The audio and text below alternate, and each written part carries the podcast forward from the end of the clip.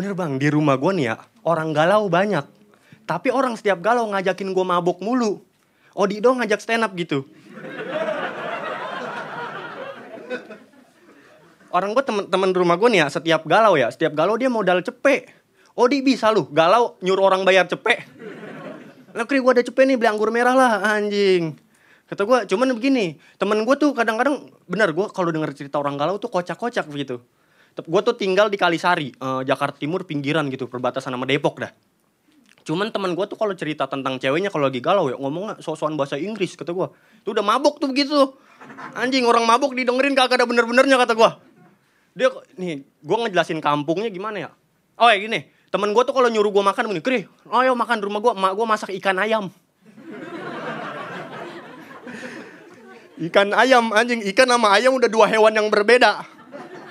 Jadi lu ngajak ik, makan ikan apa makan ayam nih anjing? Terus ini, ah, kalau ayam tuh ada dua bahasa. Kadang-kadang dia ngajaknya begini, Kri ayo makan di rumah gua, emak gua masak ayam chicken. eh, anjing. Deh ayam chicken. Gak bisa masuk sastra gak bisa tuh anjing. Maksud gua ayam chicken. Chicken itu bahasa Inggrisnya, eh bahasa Indonesia ayam ya. Kalau kita jelasin secara bahasa Indonesia, eh Kri makan rumah gua, emak gua masak ayam-ayam.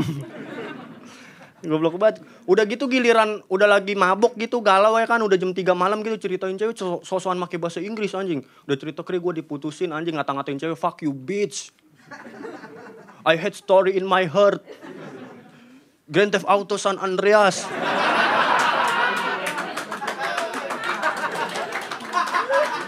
Good night electric. I am addicted too anjing.